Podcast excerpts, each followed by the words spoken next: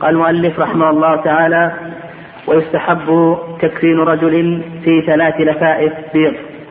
قال المؤلف رحمه الله رجل المراد به البالغ. واعلم أنهم غالبا إذا أطلقوا الرجل فإنهم يريدون بذلك البالغ. إذا أطلقوا الرجل يريدون به البالغ. فعندنا الذكر بالنسبة لتكفين كما سيذكر المؤلف رحمه الله ينقسم إلى قسمين. الذكر البالغ وهذا له كفن والقسم الثاني الذكر غير البالغ وهذا له كفن آخر. وكذلك أيضا بالنسبة للمرأة آه، إن كانت بالغة فهذا سيذكر المؤلف رحمه الله لها كفنا. وإن كانت غير بالغة أيضا لها كفن آخر. سيأتي بيانه. قال المؤلف يستحب تكفين رجل في ثلاث لفائف بيض واعلم أيضا أن هؤلاء الأصناف الذين عددناهم البالغ الذكر البالغ والذكر غير البالغ والمرأة البالغة والمرأة غير البالغة لكل منهم كفنان كفن مستحب وكفن مجزئ كما سيأتي بيانه إن شاء الله. فقال المؤلف رحمه الله يستحب تكفين رجل في ثلاث لفائف بيض من قطن. في حديث عائشة رضي الله تعالى عنها قالت كفن رسول الله صلى الله عليه وسلم في ثلاثة أثواب بيض سحولية. جدد يمانية ليس فيها قميص ولا عمامة أدرج فيها إدراجا أخرجه البخاري ومسلم حيث عائشة أن النبي عليه الصلاة والسلام كفن في ثلاثة أثواب بيض سحولية جدد يمانية ليس فيها قميص ولا عمامة أدرج فيها إدراجا. هذا هو الكفن الكامل المستحب للذكر البالغ. وسيأتي الكفن المجزئ قال تجمر يعني ترش قال العلماء رحمهم الله ترش بماء الورد ثم بعد ذلك تبخر ويدل لذلك ما أخرجه الإمام أحمد وابن حبان والحاكم وغيرهما أن النبي صلى الله عليه وسلم قال إذا أجمرتم الميت فأجمروه ثلاثة يعني إذا أجمرتم الميت فأجمروه ثلاثة. وذكره ابن المنذر رحمه الله عن كل من يحفظ عنه من من يحفظ عنه من أهل العلم أنهم يستحبون إجمار ثياب الميت. وقد ورد أيضا ذلك عن أسماء بنت أبي بكر وأبي هريرة رضي الله تعالى عنهم. فنقول بأن هذه اللفائف الثلاث يؤتى بها ثم ترش. فقال كما قلنا بأن العلماء قالوا ترش بماء الورد ثم تبخر. والحكمة أنها ترش قبل ذلك لكي يعلق بها البخور. قال ثم تبسط بعضها فوق بعض ويجعل الحنوط فيما بينها. تبسط يعني يؤتى باللفائف هذه اللفافة الأولى اللفافة الأولى ثم بعد ذلك يؤتى باللفافة الثانية هكذا. يعني تجعل اللفافة الأولى ثم نجعل اللفافة الثانية عليها تماما ثم نجعل اللفافة الثالثة عليها تماما. هذا إيه؟ بعضها فوق بعض. يعني مثل مثل هذا الكتاب هذه اللفافة ثم نأتي باللفافة الثانية فوقها تماما ثم نأتي باللفافة الثالثة فوقها تماما. هذا معنى قول المؤلف رحمه الله تبسط يعني يوضع اللفافة الأولى ثم نأتي باللفافة الثانية أيضا نضعها عليها تماما ثم اللفافة الثالثة أيضا عليها تماما. ثم يؤتى بالميت ويوضع على اللفائف هذه. يعني ثم تلف عليه كما سيذكر المؤلف رحمه الله. قال ثم تبسط بعضها فوق بعض وتكون أحسنها وأعلاها هي الأولى لأنها التي تكون هي الظاهرة. فإذا كان هناك لفافة آه، تميزت بالحسن أو بالكبر أو نحو ذلك فإننا نجعلها هي الأولى. لأنها إذا كانت هي الأولى ها ستكون ماذا؟ هي الظاهرة. يعني هي الظاهرة. وهذه آية الحي عاف الحي تكون ثيابه الحسنة هي الظاهرة للناس. قال ويجعل الحنوط الحنوط هذا أخلاط من الطيب يعد للميت خاصة. فهذا الحنوط يجعل فيما بين هذه اللتائف. فالحنوط يستعمل بالنسبة للميت في ثلاث مواضع. الموضع الأول أنه يستعمل في في كفن الميت يعني بين اللتائف يوضع بين هذه اللتائف الثلاث هذا الموضع الأول. الموضع الثاني أنه يوضع في قطن ويتتبع به مغابن الميت ومنافذه. مغابن الميت ومنافذه. فيأخذ المكفن من هذا الحنوط ويجعل فيه في قطن وينظر إلى منافذه مثل العينين مثل الفم يعني يضع على فمه على أنفه على عينيه. المغابن آه، عمق السرة طي الركبتين آه، بالنسبة للإبطين. فعندك المنافذ والمغابن يؤخذ من الحنوط ويوضع في قطن ثم بعد ذلك نضع على منافذه الأنف والفم والعينين وأيضا الأذنين وأيضا بالنسبة لعمق السرة وأيضا لطي الركبتين وأيضا للإبطين هذا الموضع الثاني. الموضع الثالث في على مواضع السجود. مواضع السجود الجبهة والأنف والركبتين إلى آخره كما سيأتي إن شاء الله. فنضع على يديه وعلى جبهته وعلى ركبتيه وعلى أنفه وعلى رجليه على مواضع سجوده. هذه الحنوط استعمل في هذه المواضع الثلاثة. قال ويجعل الحنوط فيما بينها ثم يوضع عليها مستلقيا. يعني بعد أن يحنط كما أو يطيب بالحنوط كما تقدم يوضع عليها مستلقيا يعني مستلقيا على ظهره. بعد أن نبسط هذه اللفائف نقوم يحمل الميت ثم بعد ذلك نضعه مستلقيا على ظهره. وتكون يداه إلى جانبيه. يده اليمنى إلى جانبه الأيمن ويده اليسرى إلى جانبه اليسرى. قال ويجعل منه في قطن بين إليتين هذه من المنافذ إحنا قلنا بأن الحنوط يوضع في مغابر الميت ومنافذه. آه، لا شك أن الدبر هذا من المنافذ. فيوضع آه، من الحنوط شيء من آه، يوضع شيء من الحنوط في شيء من القطن ويوضع بين إليتين وهذا هذا لم يعني بالنسبة لهذه الأشياء وارد عن الصحابة. رضي الله تعالى عنهم. كونه يوضع في المغابن وإلى آخره كما سيأتي إن شاء الله. آه، وقوله ويشد فوقها خرقة مشقوقة الطرف كالتبان تجمع إليتيه ومتانته. يعني يؤتى بخرقة كالتبان التبان هو السروال القصير. يعني هذه الخرقة بحيث تستوعب مقدار الإلية. مقدار الإلية. فبعد أن يوضع في هذا القطن شيء من الحنوط ويوضع بين إليتيه يؤتى بهذه الخرقة التي تكون بمقدار الإلية ثم بعد ذلك تلف على إليته. وهذا لم يرد فيه شيء من السنة وإنما العلماء ذكروا هذا قالوا لئلا يخرج آه، منه شيء يعني أمكن في دفع الخارج ورده. آه، ولا شك أن الميت هذا سيتحرك أو يحرك فيحتمل أن يخرج منه شيء. فذكر العلماء رحمه الله ذلك والا فإنه لم يثبت فيه شيء من السنة عن النبي صلى الله عليه وسلم. قال كالتبان تجمع إليتيه ومتانته ويجعل الباقي على منافذ وجهه ومواضع سجوده. ومواضع سجوده.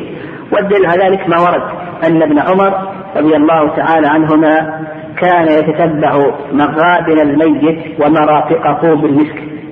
أن ابن عمر كان يتتبع مغابن الميت ومرافقه بالمسك. وهذا آه، الأثر أخرجه عبد الرزاق. نعم هذا الأثر أخرجه عبد الرزاق وكذلك أيضا البيهقي رحمهم الله. وكذلك أيضا ورد أن أنس رضي الله تعالى عنه طلي بالمسك. يعني أنس طلي بالمسك وهذا أيضا أخرجه ابن أبي شيبة والبيهقي. وكذلك أيضا ابن عمر رضي الله تعالى عنهما طلى ميتا بالمسك. ابن عمر رضي الله تعالى عنهما طلى ميتا بالمسك وهذا أيضا أخرجه عبد الرزاق وهذا إسناده صحيح. وكذلك لما تقدم أن ابن عمر كان يتبع مغابر الميت ومرافقه وهذا أيضا إسناده صحيح. والذي ورد في السنة هو قول النبي صلى الله عليه وسلم في الذي وقفه راحلته ولا تحنطه. هذا الذي ورد. الذي ورد في السنة قول النبي عليه الصلاة والسلام ولا تحنطوه. لكن ورد عن الصحابة رضي الله تعالى عنهم كما ورد عن ابن عمر تتبع تتبع المغازل والمرافق وابن عمر أيضا طلع ميتا بالمسك إلى آخره. فذكر العلماء رحمهم الله أنه يوضع في هذه المواضع الثلاثة. نعم. قال وإن طيب كله فحسن. فيما سبق أن ذكرنا أن ابن عمر رضي الله تعالى عنهما طلع ميتا بالمسك. وكذلك أيضا أنس رضي الله تعالى عنه طلي بالمسك. قال ثم يرد طرف اللفافة العليا على شقه الأيمن ويرد طرفها الآخر من فوقه ثم الثانية والثالثة كذلك ويجعل أكثر الفاضل عند رأسه ثم يعقدها وتحل في القبر. يعني بعد أن تبسط اللفائف واحدة فوق الأخرى يؤتى بالميت ويجعل مستلقيا على ظهره. ثم نأخذ اللفافة من الجانب الأيسر فنردها على جانبه الأيمن. ثم نأخذ طرفها من الجانب الأيمن ونردها على جانبه الأيسر. ثم الثانية نفعل بها كذلك. ثم الثالثة نفعل بها كذلك. ويجعل أكثر الفاضل يعني لو كان الكفن طويل يجعل أكثر الفاضل عند رأسه لأن الرأس هو أشرف الأعضاء. ثم بعد ذلك تحل هذه العقد. لورود ذلك عن أنس رضي الله تعالى عنه فإن أنس قال إذا أدخلتم الميت فحلوا العقد. يعني إذا أدخلتم الميت فحلوا العقد فيربط بثلاث عقد عقدة عند رجليه وعقدة عند رأسه وعقدة في وسطه. قال وإن كفن في قميص ومئزر ولفافة جاز. تقدم لنا أن الذكر البالغ له كفنان كفن كامل وهو ثلاث لفائف والمجزئ نعم نعم المجزئ هو ثوب واحد. ثوب واحد يستره بحيث لا يبين لون الجسم. فلو أنه أتي بثوب واحد ولف عليه فإن هذا الكفن يقول بأن هذا الكفن يستره وسيذكره المؤلف رحمه الله تعالى في قوله والواجب ثوب يستر جميعا. يقول المؤلف رحمه الله وإن كفن في قميص القميص هو الثوب. ومئزر المئزر هو ما يستر نصف البدن. ولفافة يقول المؤلف رحمه الله جاز ذلك. فلو أنه وضع عليه مئزر لف نصفه الأسفل بمئزر ثم ألبس ثوبا ثم لف بلفافة يقول المؤلف رحمه الله بأن هذا جائز. ويدل لهذا يدل لهذا أن النبي صلى الله عليه وسلم ألبس عبد الله بن أبي قميصه لما مات. هذا رواه البخاري. يقول المؤلف رحمه الله رواه البخاري.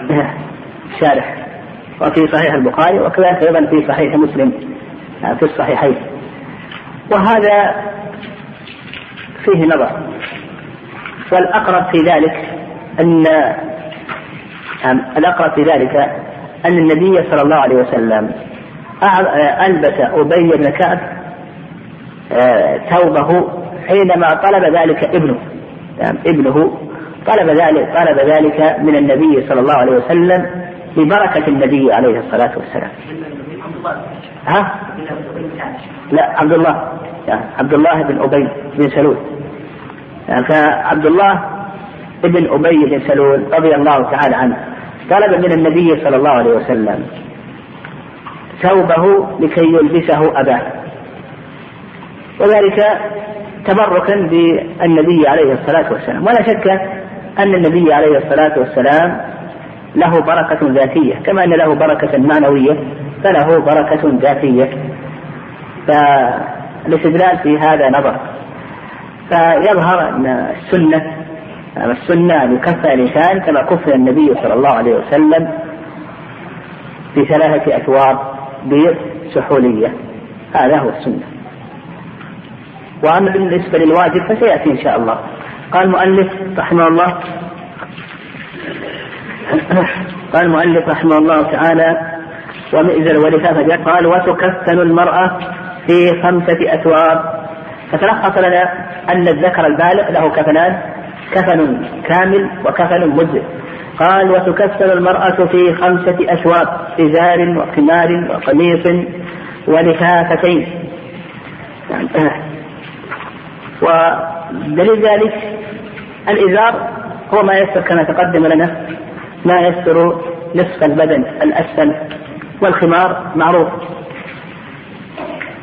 وكذلك أيضا القميص هو الثوب واللفافتين معروفتان.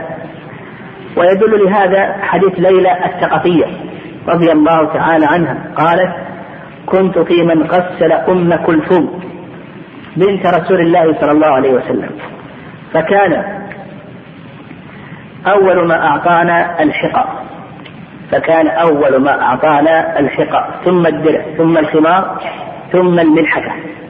يعني الحقى هو الإزار. ثم الدرع الدرع هو القميص. ثم الخمار ثم الملحفة ثم أدرجت بعد ذلك في الثوب الآخر. أدرجت بعد ذلك في الثوب الآخر.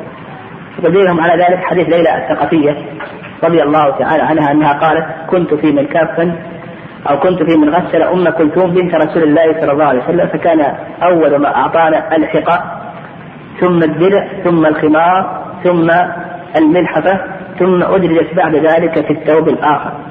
وهذا أخرجه الإمام أحمد وأبو داود كذلك ابن الطبراني والبيهقي لكنه ضعيف لا يثبت عن النبي صلى الله عليه وسلم لأن مداره على نوح بن حكيم الثقفي وهو مجهول. مدار حديث هذا على نوح بن حكيم الثقفي وهو مجهول.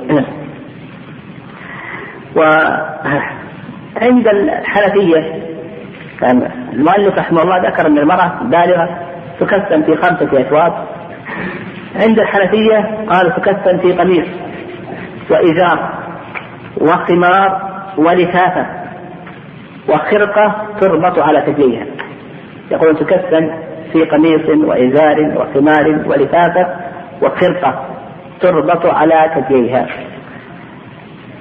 عند مالك رحمه الله أنه استحب أن تكفن في ثلاثة في قميص وخمار وإزار.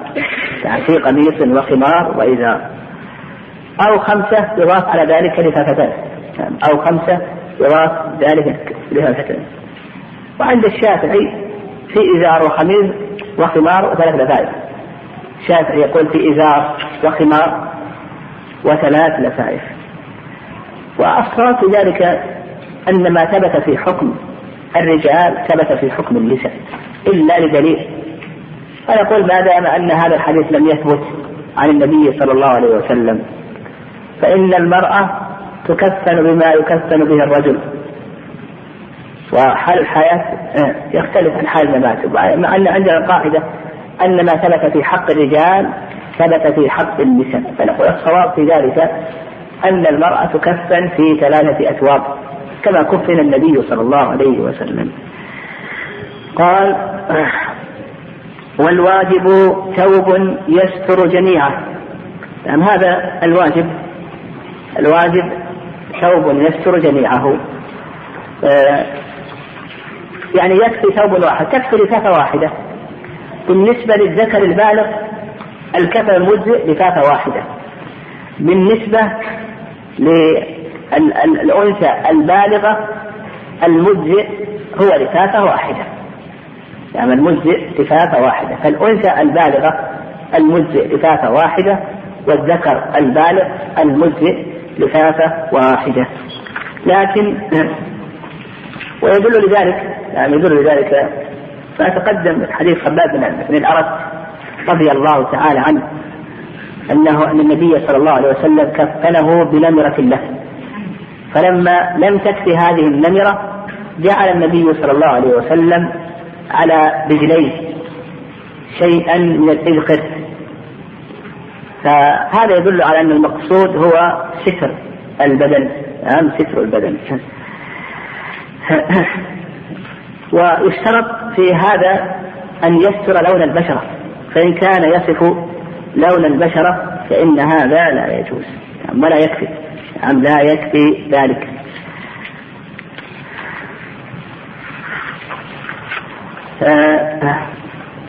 بالنسبة لي الذكر غير البالغ أيضا له كفنان.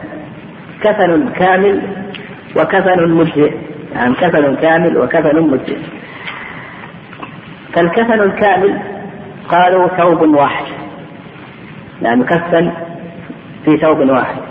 ويباح في ثلاثة أثواب يعني يباح في ثلاثة أثواب والصواب في ذلك أنه كالذكر.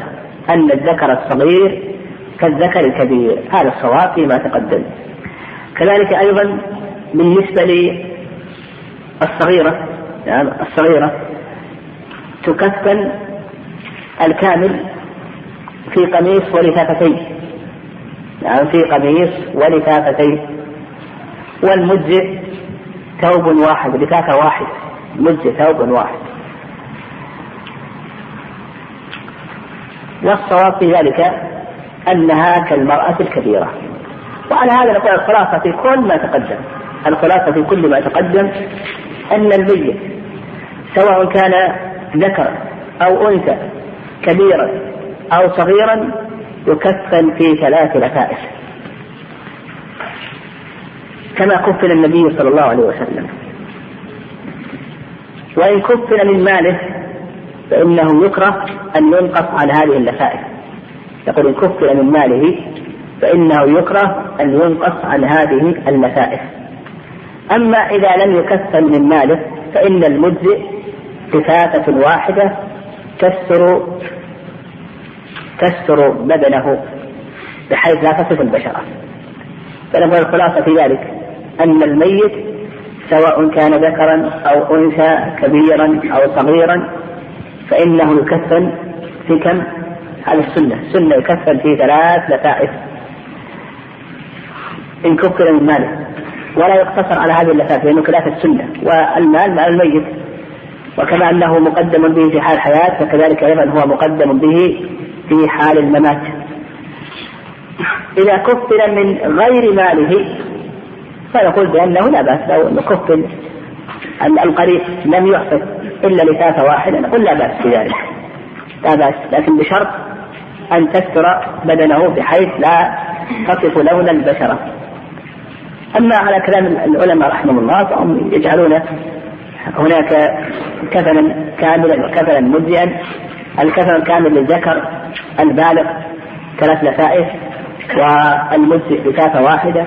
للذكر غير البالغ يقولون الكفن الكامل يكفن في ثوب واحد يباح في ثلاث اثواب يعني وأيضا يعني قالوا يباح في ثلاث اثواب أيضا بالنسبة للمرأة قالوا في خمسة إذا كانت بالغة وإن كانت غير بالغة في خمسة بالنسبة للكفن الكامل وبالنسبة للمجزئ ثوب وإن كانت غير بالغة تكون تكفن في قميص ولفتين والمجزئ ثوب واحد إلى آخره. قال رحمه الله فصل في الصلاة على الميت. على الميت تقدم لنا أنها فرض كفاية أما كونها فرضا فلأن النبي صلى الله عليه وسلم أمر بها. وأما كونها على الكفاية فإن هذا مما لوحظ فيه العمل دون العامل. قال السنة أن يقوم الإمام عند صدره وعند وسطها. السنة أن يقوم الإمام عند صدره وعند وسطها. يعني عند صدر الذكر وعند وسطها أي وسط الأنثى. هذا ما ذهب إليه المؤلف رحمه الله تعالى. والرأي الثاني في هذه المسألة يعني الرأي الثاني في هذه المسألة أنه يقف عند صدر الرجل ووسط المرأة. يقف عند صدر الرجل ووسط المرأة. وهذا رواية عن الإمام أحمد رحمه الله. نفس الأول نعم هذا هو المذهب. نعم هذا هو المذهب. الرأي الثاني في هذه المسألة أنه يقف عند صدر الذكر وصدر المرأة جميعا. وهذا قال به أبو حنيفة رحمه الله تعالى. وقال مالك يقف عند وسط الرجل ومنكب المرأة. يقف, يقف عند صدر الرجل ومنكب المرأة يعني منكب المرأة يقف عند صدر الرجل ومنكب المرأة والأقرب في ذلك ما دلت عليه السنة. والسنة دلت أنه يقف عند رأس الذكر ووسط المرأة. كان في حديث أنس رضي الله تعالى عنه فإن أنسا قدمت له جنازة رجل فقام عند رأسه.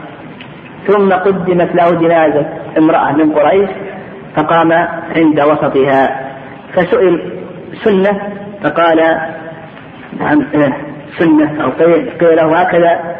كان رسول الله صلى الله عليه وسلم يقول حيث قمت ومن المرأة حيث قمت؟ قال نعم. قال نعم وهذا أخرجه الإمام أحمد وأبو داود الترمذي وابن ماجه حسنه الترمذي. وأيضا يدل لذلك حديث سمرة رضي الله تعالى عنه جندب في صحيحين أن النبي صلى الله عليه وسلم صلى على أم على أم كعب ماتت في نفاسها فقام عند وسطها. قال المؤلف رحمه الله تعالى ويكبر أربعا. آه، بالنسبة لصلاة الجنازة السنة أن تكون جماعة. السنة أن تكون جماعة. ولو صلي عليه فرادى فإن هذا جائز ولا بأس به. وصلاة الجماعة الجماعة للجنازة ليست واجبة. والنبي عليه الصلاة والسلام صلي عليه صلي عليه فرادى. كان الصحابة رضي الله تعالى عنهم يدخلون ويصلون عليه فرادى. وقال العلماء رحمهم الله يسقط الفرق بواحد بمكلف. فلو أن مكلفا صلى على هذا الميت فإن الفرق يسقط. أيضا استحب العلماء رحمهم الله أن يقف عليه أو أن يصلي عليه ثلاثة صفوف. يعني ثلاثة صفوف استحبوا أن يصلي عليه ثلاثة. ويدل لذلك حديث مالك بن هبيرة رضي الله تعالى عنه أن النبي صلى الله عليه وسلم قال ما من مسلم يموت فيصلي عليه ثلاثة صفوف من المسلمين إلا أوجب ما من مسلم يموت فيصلي عليه ثلاثة صفوف من المسلمين إلا أوجب فكان مالك رضي الله الله رضي الله تعالى عنه إذا استقلهم جزأهم. هذا أخرجه الإمام أحمد وأبو داود والترمذي ماجه حسنه الترمذي. والأولى بالصلاة عليه وصية. يعني الأولى بالصلاة عليه وصية. يعني العلماء يقول الأولى بالصلاة عليه نعم وصية. ثم بعد ذلك السلطان. ثم نائب السلطان الأمير. ثم الأولى بغسل رجل. هم قالوا الأولى وصية. إذا أوصى قالوا صلي علي فلان. فإنه, فإنه هو الأولى. ثم بعد ذلك من هو؟ السلطان. ثم نائب السلطان كالأمير. ثم بعد ذلك الأولى بتغسيل الرجل. ومن الأولى بتغسيل الرجل بعد الوصي؟ الأصول. الأب ثم الجد ثم الفروع ثم بعد ذلك الحواشي. والأقرب في ذلك أن يقال الأقرب في ذلك أن يقال الأولى هو السلطان. يعني الأولى هو السلطان لأن الحسين رضي الله تعالى عنه لما مات الحسن قدم سعيد بن العاص وهو يومئذ أمير على المدينة. نقول الأولى في ذلك السلطان فإن لم يكن فنائب السلطان وهو الأمير. فإن لم يكن فإمام المسجد. يعني إمام المسجد هو الأولى. يعني النبي صلى الله عليه وسلم قال لا يؤمن الرجل الرجل في سلطانه ولا على تكريمته إلا بإذنه. إذا صلي عليه في المسجد فإمام المسجد هو الأولى بالصلاة. حتى لو كان هناك وصي. ما يملك هذا إلا يصلي عليه. خارج المسجد فلا بأس أن يصلي عليه. لا بأس أن يصلي أن يقدم الوصي. إلا إذا تنازل إمام المسجد. لو أن إمام المسجد تنازل فنقول لا بأس لكن السنة ظاهرة. لا يؤمن الرجل الرجل في سلطانه ولا يقعد على تكريمته إلا بإذنه. ولا شك أن إمام المسجد سلطان في مسجده. فنقول بأنه هو الذي يقدم. إذا اجتمعت جنائز فإنه يقدم إلى الإمام أفضلهم. ثم بعد ذلك الأسن ثم بعد ذلك الأسبق ثم يقرأ. يعني يجتمع عندنا ثلاث جنائز أربع جنائز. من نقدم إلى الإمام؟ يقول نقدم الإمام الأفضل. ولهذا كان النبي عليه الصلاة والسلام لما دفن شهداء أحد يسأل عن الأفضل عن أك... عن أكثرهم أقبل للقرآن فيقدمه النبي صلى الله عليه وسلم في اللحد فنقول إذا كان عندنا أكثر من جنازة يقدم للإمام من؟ الأفضل. ثم بعد ذلك الأسن. ثم بعد ذلك بعد الأسن الأسبق إذا من سبق. ثم بعد ذلك بعد السابق نقرأ بينهم. هذا إذا كانوا جنسا واحدا. فإن كانوا أكثر من جنس فإنه يقدم الذكور يقدم الذكور البالغون ثم ثم الصغار ثم الإناث البالغات ثم الصغار والصواب أنه لا فرق بين الأحرار والعبيد بين الأحرار والأرقة فإذا كان عندنا أكثر من جنس نبدأ بالذكور. نقدم من الذكور الأفضل. ثم بعد ذلك ها؟ يعني بالنسبة للذكور البالغين نقدم الأفضل. ثم بعد ذلك بعد الأفضل الأسن. ثم بعد ذلك الأسبق. ثم نقلع. ثم نأتي بالنسبة للذكور غير البالغين ونعمل كذلك. ثم بالنسبة للنساء البالغات ثم للنساء غير البالغات. ويجعل وسط المرأة حذاء رأس الذكر. يعني يكون رأس الذكر ثم بعد ذلك نجعل وسط المرأة حذاء. يعني رؤوس الذكور الصغار والكبار تكون متحاذية ثم بعد ذلك وسط المرأة يكون محاذا لرأس الذكر ويقف الإمام عند رأس الذكر. نعم والله أعلم. صلى الله عليه وسلم ها؟ كيف؟ إي نعم الأفضل يقدم. يقدم الأفضل. الأفضل من الذكور والافضل من الإناث. يعني يقدم. كيف؟ الا ان لا شك ان النساء بعد كحال الصلاة. أنا نقدم الذكور البالغون يقدم الذكور البالغون. ثم يقدم بعد ذلك الذكور غير البالغين ثم الإناث البالغة ثم الإناث غير البالغة ها؟ إذا طلب قاعدة لكن كان كالزوج نعم. هذا لا سعد بن معاذ جرح مع ذلك. صلى عليه غسله وصلى عليه. ويظهر الله أعلم كما قلنا إن كان الجرح موحيا. كان الجرح قاتلا. فهذا حكم حكم المقتول. يعني قد يكون الجرح قاتل لذلك يعطى علاجات تمسك الحياة. فهذا حكم حكم الشهداء. حتى لو استطاع نعم. ها؟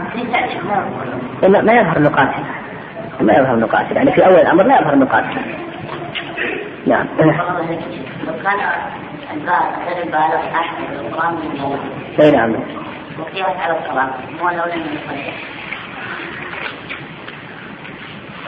لا هم العلماء قدموا البالغين يعني بقول النبي عليه الصلاة والسلام كبر كبر.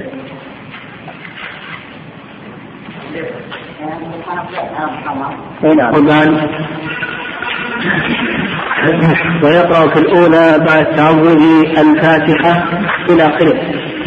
يقول المؤلف رحمه الله تعالى يكبر أربع يكبر أربع تكبيرات. وهذا دليله ما في الصحيحين. أن النبي صلى الله عليه وسلم صلى على النجاشي فكبر عليه أربع. من حديث أبي هريرة وحديث جابر رضي الله تعالى عنهما. وسيأتينا إن شاء الله هل يزيد على أربع أو لا يزيد على أربع إلى آخره؟ هذا سيأتي بيانه إن شاء الله.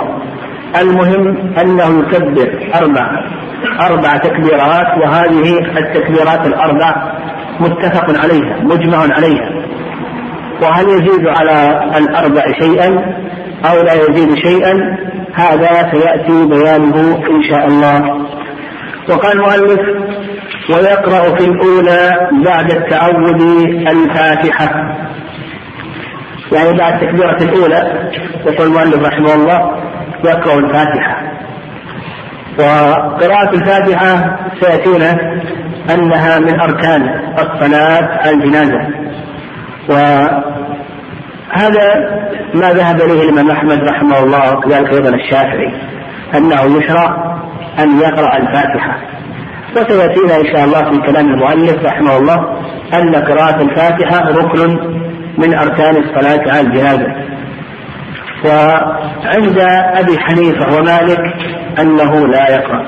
يعني عند أبي حنيفة ومالك أنه لا يقرأ. يعني لا يرون شرعية القراءة في صلاة الجنازة.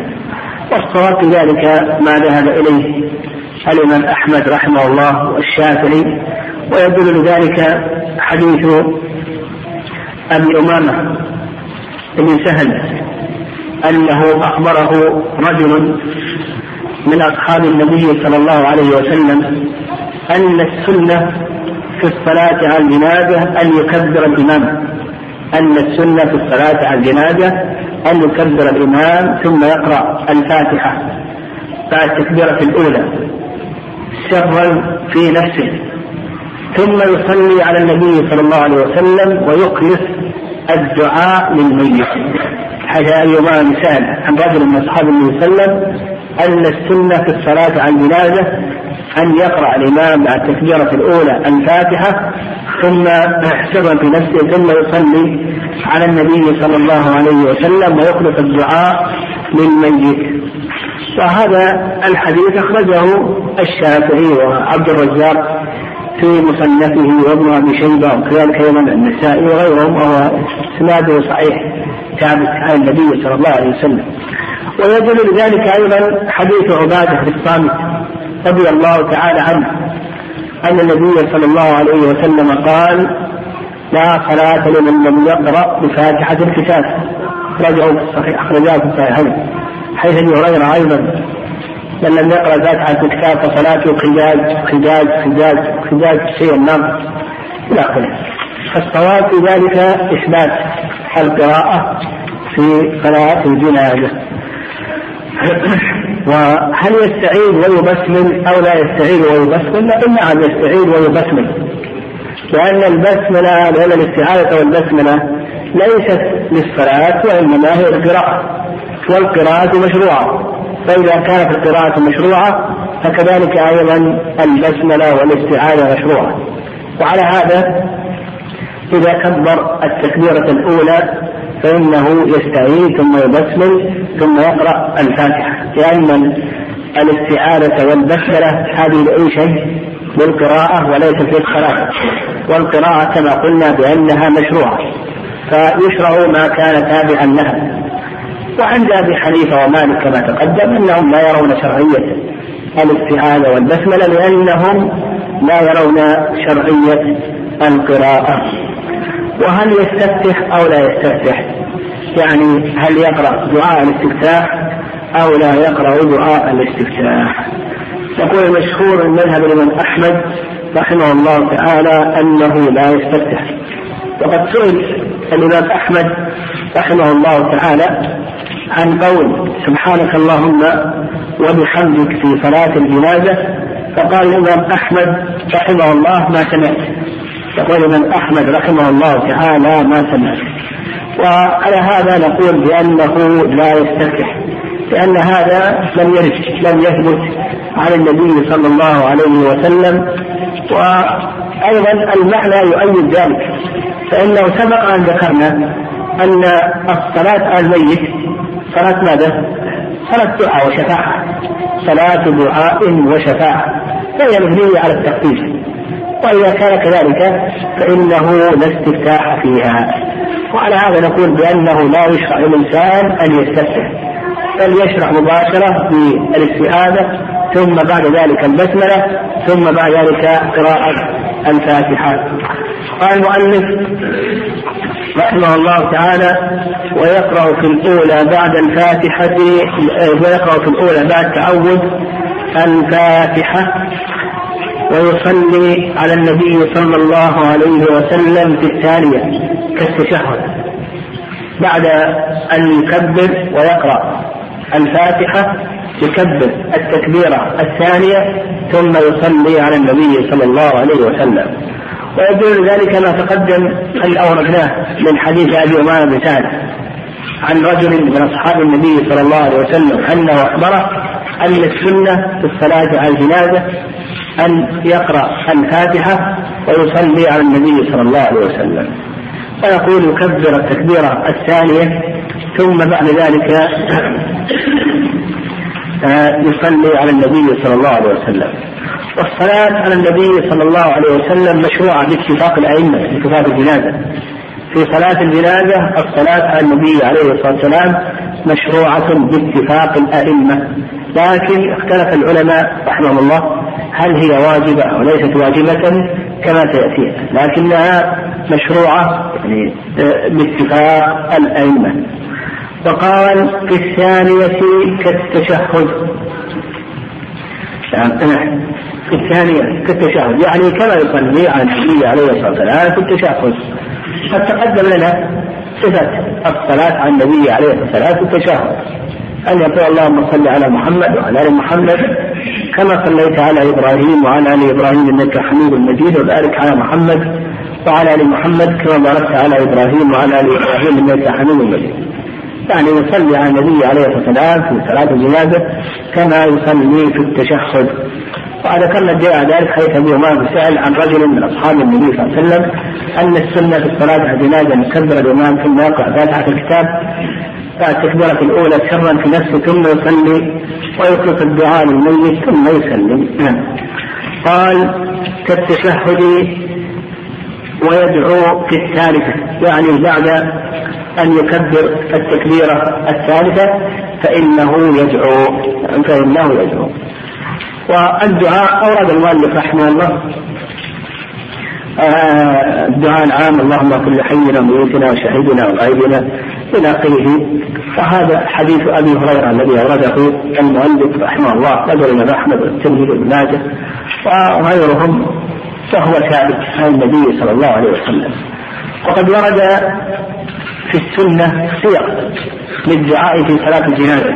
يعني ورد في السنة صيغ للدعاء في صلاة الجنازة. السنة أن الإنسان يعني الواجب أن يدعو كما سيأتي الركن أن يدعو الإنسان للميت. هذا هو الركن. الركن أن يدعو الإنسان للميت. لكن الأفضل أن يعنى الإنسان بالصيغ الواردة عن النبي صلى الله عليه وسلم. فيحفظ هذه الصيغ ويدعو بها. يحفظ هذه الصيغ ويدعو بها. ومن هذه الصيغ ما أورده المؤلف رحمه الله من حديث أبي هريرة رضي الله تعالى عنه وأيضا حديث عوف بن مالك في مسلم. أيضا أبي هريرة في المسند وفي السنن حديث عوف بن مالك الذي أورده اللهم اغفر له وارحمه وعافيه واعف عنه إلى آخره هذا في صحيح مسلم. وكذلك أيضا هناك حديث وكان رضي الله تعالى عنه. هناك حديث وكان رضي الله تعالى عنه فيستحب أيضا أن يدرى به وأيضا حديث واكده بن الاسقاء رضي الله تعالى عنه. فعندنا حديث وكان كذلك أيضا يزيد يعني يزيد بالركانه يزيد بالركانه وكذلك أيضا واكده بن الاسقى رضي الله تعالى عنه. هذا حديث أبي هريرة اورده المؤلف عندكم في المتن. اللهم اغفر لحينا وميتنا إلى آخره. آه نعم. آه اللهم اغفر لحينا وميتنا وشاهدنا وغائبنا وصغيرنا وكبيرنا وذكرنا وانثانا مثقالا منقلبا ومسوانا. وحديث عوف بن مالك أورده أيضا بقوله اللهم اغفر له وارحمه وعافه واعف عنه إلى آخره. بقي علينا حديث يزيد بن ركان والثالث أيضا حديث واثله بن الأشقى رضي الله تعالى عنه. وأيضا في قول المؤلف آه اللهم ان احييته منا إنك تعلم منقلبنا ومدفعنا هذه ليست في الحديث وأنت على كل شيء قدير. إلى اخره هذه ليست في الحديث. من توفيتهم اللهم كل حي وميتنا وشاهدنا وغائبنا وذكر وصغيرنا وكبيرنا وذكر كان اللهم من احييت منا وأحيا الاسلام وتوفيت منا فتوفعوا عن الإيمان. اللهم لا تحرمنا أجره ولا تضلنا بعده. اللهم لا تحرمنا أجره ولا تضلنا بعده. أن أيضا حيث عوف مالك ذكره المؤلف رحمه الله بقوله اللهم اغفر له وارحمه وعافه واعف عنه وأكرم نزله ووسع مدخله اغسله بالماء والثلج والبرد ونقي من ذنوب الخطايا حين قتل إلى الناس وأبدله خيرا دارا خيرا من داره وزوجا خيرا من جار من زوجه. وأبدله دارا خيرا من داره وزوجا يعني الحديث واهلا خيرا من أهله وزوجا خيرا من زوجه وأدخله الجنة واعذه من عذاب القبر. نعم أو من عذاب النار. أيضا حديث واثر بن الأشقى رضي الله تعالى عنه أن النبي صلى الله عليه وسلم صلى على رجل من المسلمين فأسمعه يقول اللهم إن فلان ابن فلان اللهم إن فلان ابن فلان في ذمتك وحبل جوارك اللهم إن فلان ابن فلان في ذمتك وحبل جوارك فقه فتنة القبر. فقه فتنة القبر وعذاب النار وأنت أهل الوفاء والحق. فقه فتنة القبر وعذاب النار وأنت أهل الوفاء والحق. فاغفر له وارحمه إنك أنت الغفور الرحيم. فقه عذاب فتنة القبر وعذاب النار وأنت أهل الوفاء والحق. فاغفر له وارحمه إنك أنت الغفور الرحيم. كذلك أيضا حديث يزيد بن ركانة رضي الله تعالى عنه. اللهم فعبدك وابن عبدك احتاج إلى رحمتك. اللهم عبدك وابن عبدك احتاج إلى رحمتك. وأنت غني عن عذابه. إن كان محسنا فزده فزد في حسناته. كان محسنا فزد في حسناته. وإن كان مسيئا فتجاوز عنه قال ويدعو في الثالثة فيقول اللهم لنا إلى آخره. وافتح له في قبره إلى آخره. ثم قال وإن كان صغيرا قال اللهم اجعله ذكرا لوالديه وفرضا وشفيعا مجابا اللهم تغفر به موازينهما وعظم به أجورهما وألحقه بصالح سلف المؤمنين واجعله في كفالة إبراهيم وقه برحمتك عذاب الجحيم. هذا الحديث هذا الذكر المؤلف رحمه الله الدعاء لم يرد عن النبي عليه الصلاة والسلام. هذا الدعاء الذي ذكره المؤلف رحمه الله لم يرد عن النبي صلى الله عليه وسلم. ورد في حديث المغيرة بن شعبة أن النبي صلى الله عليه وسلم قال والطفل يصلى عليه ويدعى لوالديه بالمغفرة. والطفل يصلى عليه ويدعى لوالديه بالمغفرة. وهذا أخرجه الإمام أحمد وأبو داود والترمذي وصححه الترمذي وكان كما أخرجه النسائي ماجه. وورد عن أبي هريرة موقوفا عليه. ورد عن أبي هريرة موقوفا عليه اللهم اجعله لنا سلفا وفرقا وذخرا. اللهم اجعله لنا سلفا وفرقا وذخرا. وكذلك أيضا ورد عن أبي هريرة موقوفا عليه اللهم اعذه من عذاب القبر. اللهم اعذه من عذاب القبر. هذا الذي ورد عن أبي هريرة. وعلى هذا نقول نقول في الصلاة على الطفل نقول اولا أنه يدعى بالدعاء العام. اللهم اغفر لحينا وميتنا كما ورد في حي أبي هريرة. ويدعى لوالديه بالمغفرة والرحمة كما ورد في حديث المغيرة بن شعبة. يقول يدعى بالدعاء العام ويدعى بعد ذلك لوالديه بالمغفرة والرحمة كما ورد في حديث المغيرة بن شعبة رضي الله تعالى عنه. ثم بعد ذلك ما ورد عن أبي هريرة رضي الله تعالى عنه فيقال اللهم اجعل لنا سلفا وفرطا ونقرا وأيضا اللهم أعذه من النار. يعني اللهم أعذه من النار. قال ويقف بعد الرابعة قليلا ويسلم. ظاهر كلام المؤلف رحمه الله في قوله ويقف بعد الرابعة قليلا أنه لا يدعو. فليقف ولا يدعو. وهذا هو المشهور من المذهب ومذهب أبي حنيفة رحمه الله.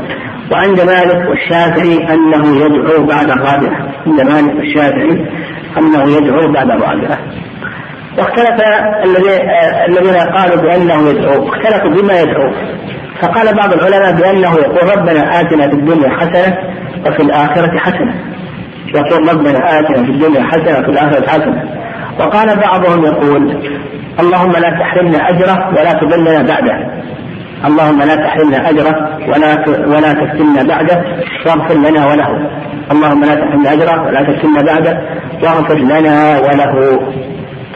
والصواب في ذلك أنه لا يسكت وأنه يدعو على الصواب. ويدعو بما ورد عن النبي صلى الله عليه وسلم. وقد تقدم انه عن النبي عليه الصلاة والسلام أربع صيغ فيدعو بالصيغ الأولى إذا لم يستكمل هذه الصيغ فإنه إذا كبر الرابعة قبل أن يسلم فإنه يدعو بما بقي. نعم يدعو بما بقي. هذا هو الصواب. قال قال ويسلم ويسلم واحدة عن يمينه يسلم تسليمة واحدة عن يمينه ولا يزيد على ذلك. هذا هو المشروع.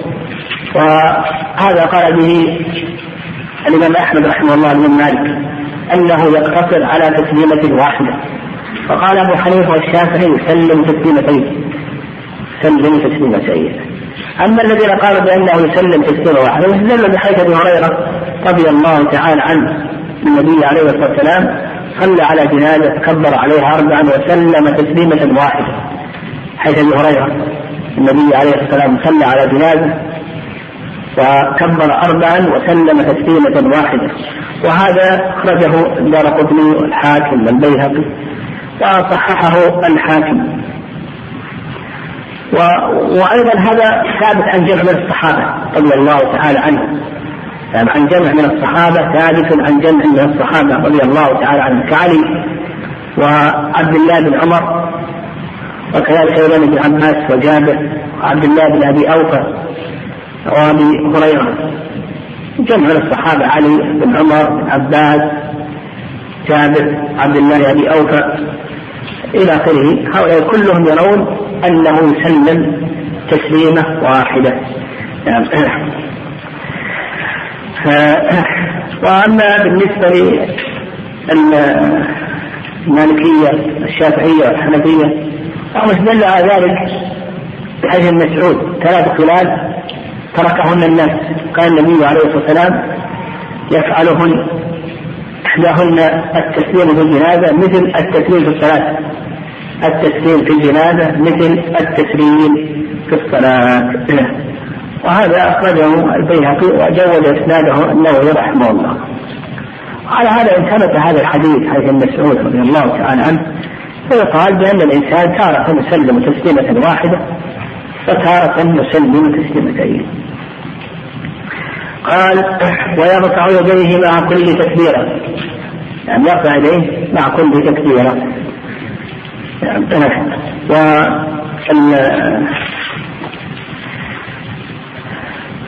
أما بالنسبة لتكبيرة الإحرام فهذه في اتفاق الأئمة على أنه يرفع يديه فيها. لكن بالنسبة لبقية التكبيرات يعني فعند أحمد والشافعي أنه يرفع عند مالك أبي حنيفة أنه لا يرفع. والصواب أنه يرفع هذا الصواب. لأن هذا هو الوارد عن الصحابة رضي الله تعالى عنهم. كابن عباس رضي الله تعالى عنه بإسناد صحيح كذلك أيضا بن عمر. في البخاري وزيد بن ثابت في مصنف أبي شيبه بن عباس في سنة علي المنصور اسناده صحيح. كذلك أيضا زيد بن ثابت في مصنف أبي شيبه كذلك أيضا البخاري آه، ابن عمر في صحيح البخاري معلقا وكذلك أيضا ورد من حديث ابن عمر مرفوعا في الدار قطني يعني في العلل.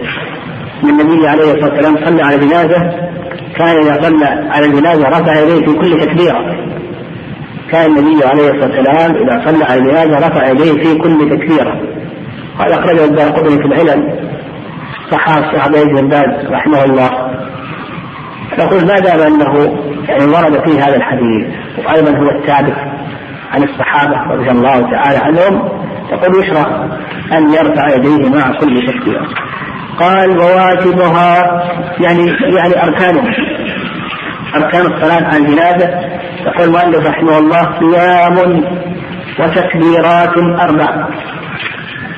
القيام. لأنها فرض. نعم القيام لأنها فرض. فيقوم. ويدل ذلك ما تقدم من أدلة تكريه القيام كقول الله عز وجل وقوموا لله قانتين وهذا الحديث أبي هريرة إلى المسيء ثلاثة النبي عليه الصلاة والسلام قال إذا قمت إلى الصلاة فأسبغ الوضوء ثم استقبل قبلة فكبر حديث عمران بن حصين صل قائما لم تكن فقائما قال وتكبيرات أربع يعني تكبيرات أربع. هذه متفق عليها كما تقدم. تكبيرات الأربع هذه متفق عليها. لكن هل يزيد على هذه التكبيرات أو لا يزيد؟ إلى آخره. يعني كلام المؤلف رحمه الله أنه لا يزيد على هذه التكبيرات. وهذا أيضا قول جمهور أهل العلم رحمه الله أن الإمام لا يزيد على هذه التكبيرات. وأيضا نعم قالوا بأن ما زاد على هذه التكبيرات بأنه منسوخ. نعم بأنه منسوخ لأن النبي عليه الصلاة والسلام كبر عن النجاة في أربع تكبيرات فلم يزد على ذلك. نعم.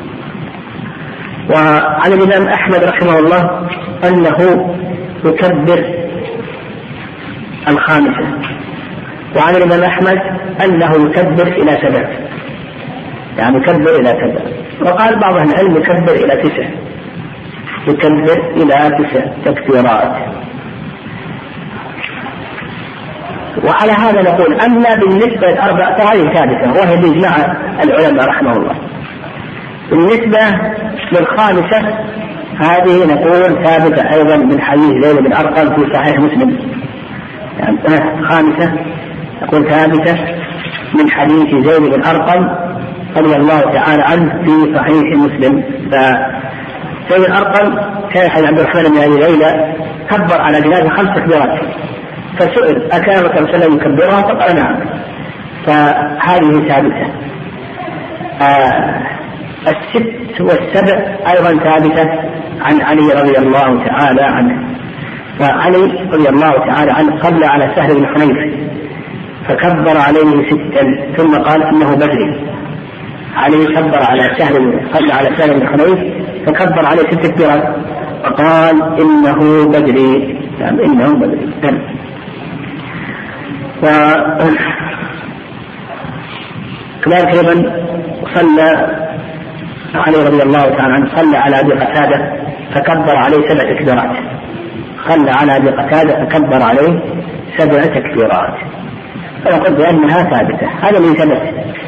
نعم هذا الذي ثبت. هذا الذي نعلم أنه ثابت. أما بالنسبة ما روي أن النبي صلى الله عليه وسلم صلى على حمزة وانه كبر عليه سبع تسع تكبيرات إلى آخره. هذا شاذ. هذا شاذ لا يثبت عن النبي صلى الله عليه وسلم. وان صححه بعض أهل العلم. يعني إن النبي عليه السلام أمر يوم أحد بحمزة فسجوا بمرده ثم صلى عليه فكبر تسعا إلى آخره. فنقول بأن هذا شاذ لا يثبت عن النبي صلى الله عليه وسلم. قال وعلى هذا نقول التكبير الثابت خمسة يثبت بها السنة الست والسبع هذه واردة. عن علي رضي الله تعالى عنه. على هذا نقول الإمام يكبر أربع تكبيرات وأحيانا يزيد خامسة وأحيانا يزيد سادسة وسابعة يزيد إلى سبع. وإن خصص هذه الزيادة أيضا لمن له الفضل هذا أحسن لأن علي رضي الله تعالى عنه قال إنه بدري لما كبر على سهل بن حنيف قال إنه بدري ما يدل على أنه لما اختص بهذه المنقبة وهذه الفضيلة اختص بها التكبير. قال والفاتحة تقدم الدعاء ذلك. يعني تقدم حيث الإمام سهل عن رجل من أصحاب النبي صلى الله عليه وسلم حيث عبادة. قال والصلاة على النبي صلى الله عليه وسلم. تقدم أن الصلاة على النبي عليه الصلاة والسلام سنة. الصلاة على النبي عليه الصلاة والسلام سنة باتفاق الأئمة. لكن المشهور مذهب الإمام أحمد رحمه الله أنها ركن. يعني أنها ركن. يعني والصواب أن الصلاة على النبي عليه الصلاة والسلام أنها سنة وليست ركنا وهذا قول جمهور أهل العلم رحمهم الله. لا دليل ينهض بوجوبها وتقدم لنا في أركان الصلاة تقدم لنا في أركان الصلاة. أن ذكرنا أن الحنابلة رحمهم الله يقولون بأن الصلاه عليه وسلم ركن وهذا فيه نظر كما سبق. الصواب أنه لا دليل ينهض على ركنيتها قال ودعوة للميت عن دعوة الميت كما تقدم في حديث أبي أمامة بن سهل رجل من أصحاب النبي صلى الله عليه وسلم وأيضا حديث أبي هريرة رضي الله تعالى عنه النبي صلى الله عليه وسلم قال إذا صليتم على الميت فأخلصوا له الدعاء. إذا صليتم على الميت فأخلصوا له الدعاء. نعم. قال والسلام. السلام. أيضا هذا واجب ركن. هذا قول جمهور أهل العلم رحمه الله. خلاف الحنفية. الحنفية لا يرون وجوب السلام. وتقدم أنهم لا يرون وجوب السلام حتى في الصلاة الفريضة. نعم لا يرون وجوب السلام حتى في الصلاه الفريضه نعم والصواب في ذلك أنه ركن.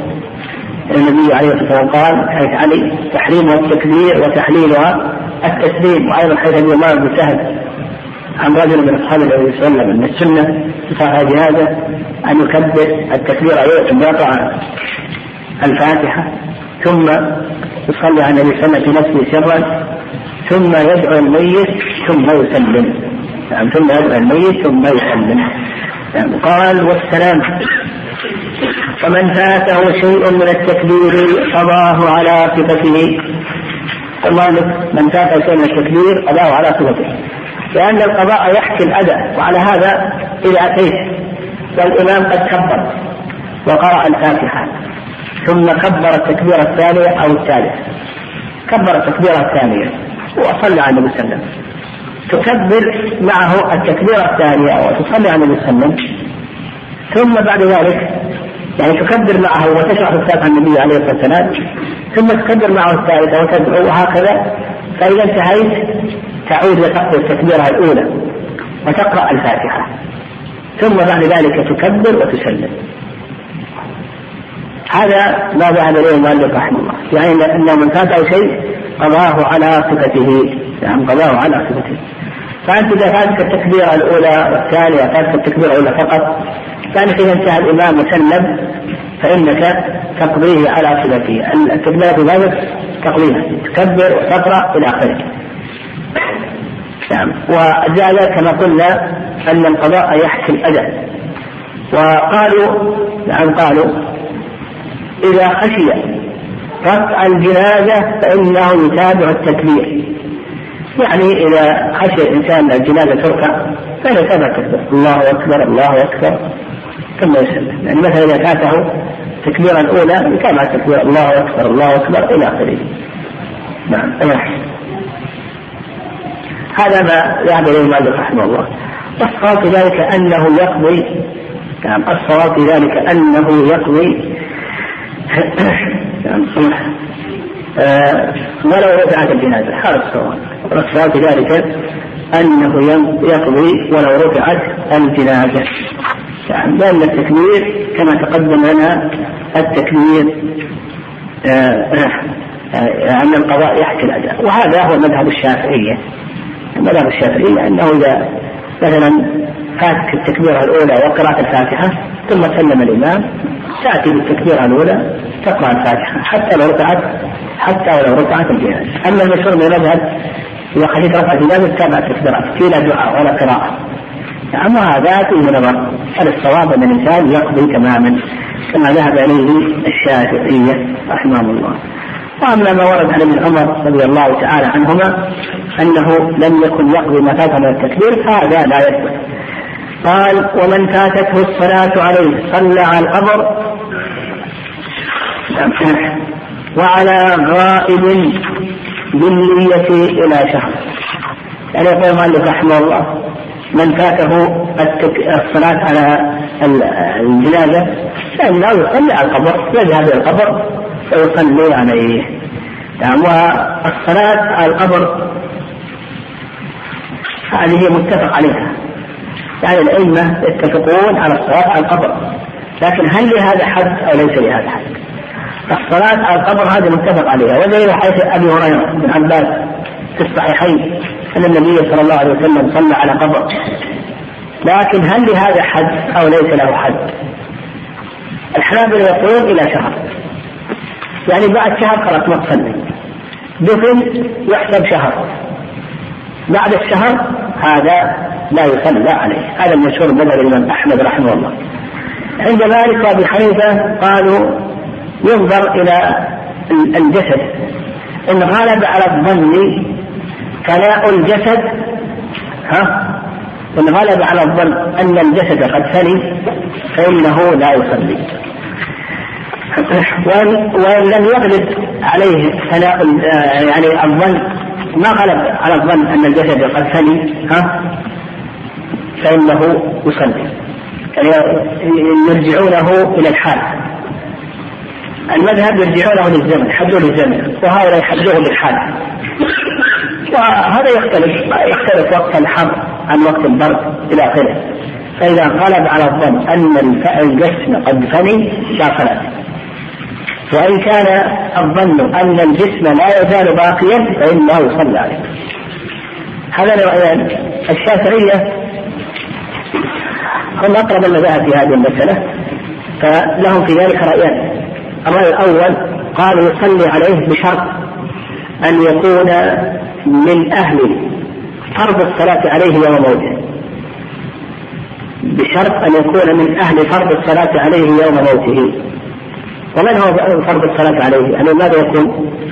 يكون مكلفا يعني إذا مات الميت وأنت مكلف لك أن تصلي عليه بلا حد حتى لو كان بعد سنة سنتين ثلاث سنوات لو كان إنسان مسافر وهو وحين مات هو مكلف.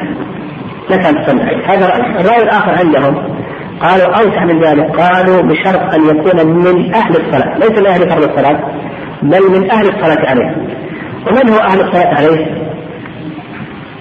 من هو آه ها؟ صح مميز. نكون مميز يعني نكون مميزا. فإذا مات وهو مميز. نعم إذا مات وهو مميز يصح أن يصلى عليه حتى لو أنه ما صلى عليه بعد سنة سنتين إلى آخره.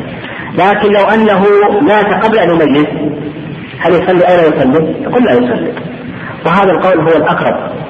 والدليل على ذلك لأن هذا هو الأقرب أن التحديد بشهر هذا ما ما ليس عليه دليل. يعني ما ورد أن النبي عليه الصلاة والسلام صلى على أم سعد بعد مرور شهر. هذا إجابة أنا بجوابه الجواب الأول عدم الثبوت. والجواب الثاني لو ثبت. ها؟ ماذا نقول؟ ها؟ لا ليس خاصة نقول وقع اتفاقا. وما وقع اتفاقا لا يكون شرطا. يعني قول صلى الانسان بعد شهر هذا لا يلزم ذاك التحديد. فلو فرض الانسان صلى بعد شهر ويومين هل نقول بأنه يحدد طبعا هذا وقع اتفاقا فنقول ليس هناك التحديد فما دام أنه ليس هناك ليس هناك دليل على التحديد فالأصل الانسان يصلي. هذا الأصل. ان النبي عليه الصلاة والسلام صلى على قبره. لكن نقيده بأن يكون مميزا أو يكون من أهل فرض الصلاة عليه. هنا يقيد. لماذا؟ نقول لأن لأن هذا مخالف لاجماع السلف. لأنه لم يقيد لكان عدم التقييد مخالفا لإجماع السلف لأن السلف مجمعون على أنه لا يصلي على النبي صلى الله عليه وسلم يعني ما صلى التابعون على النبي عليه الصلاة والسلام ولم يصلوا على أبي بكر ولا عمر إلى آخره ولو كان خيرا لسبقونا إليه الله أعلم صلى الله عليه كيف؟ كيف؟ اي نعم. يعني لو أن الإمام اختار أنه يكبر خمس تكبيرات أو اختار أن يكبر ست تكبيرات فهنا يوزع الدعاء بين هذه التكبيرات. يقول الدعاء الوارد هذا يوزعه بين هذه التكبيرات. يعني ما يتابع لا بل يوزع الدعاء. نعم.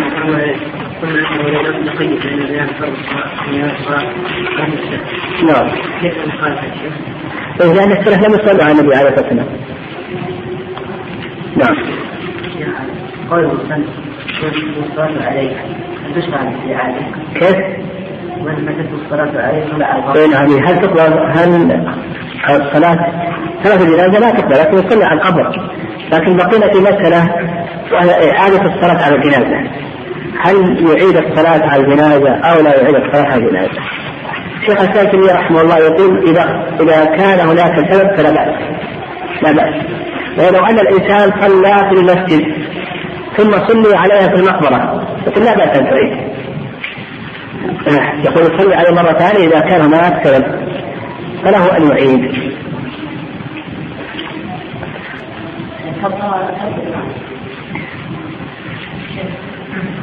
كيف يكبر يكبر هو هو الآن أنت يصلي على النبي عليه السلام وأنت تقرأ الفاتحة.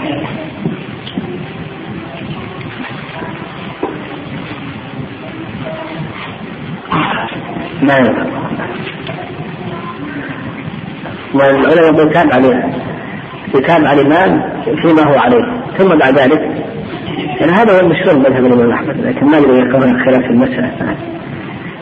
نعم.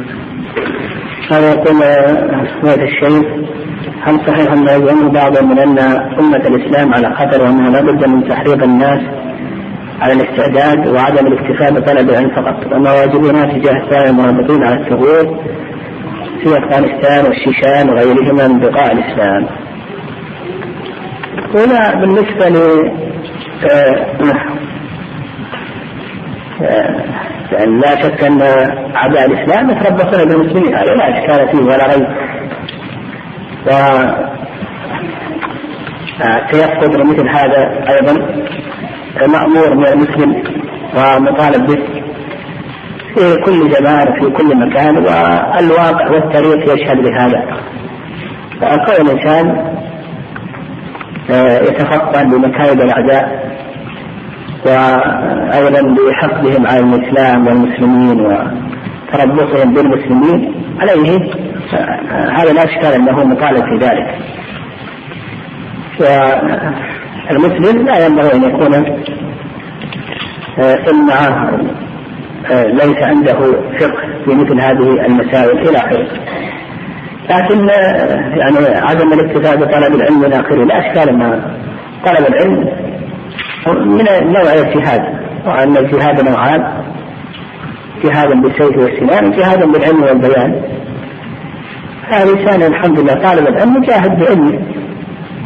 بعلمه وتعليمه ولا شك أن الناس في أوقات آه، الفتن وأوقات الحوادث إلى آخره يحتاجون إلى طلاب العلم لكي يبينوا لهم ويوجهوهم إلى آخره. وأما بالنسبة لاخوان المرابطين إلى آخره فالإنسان عليه أن يدعو لهم بالتوفيق والسداد والتمكين وان يكفيهم شر الاشرار وكيد الفجار.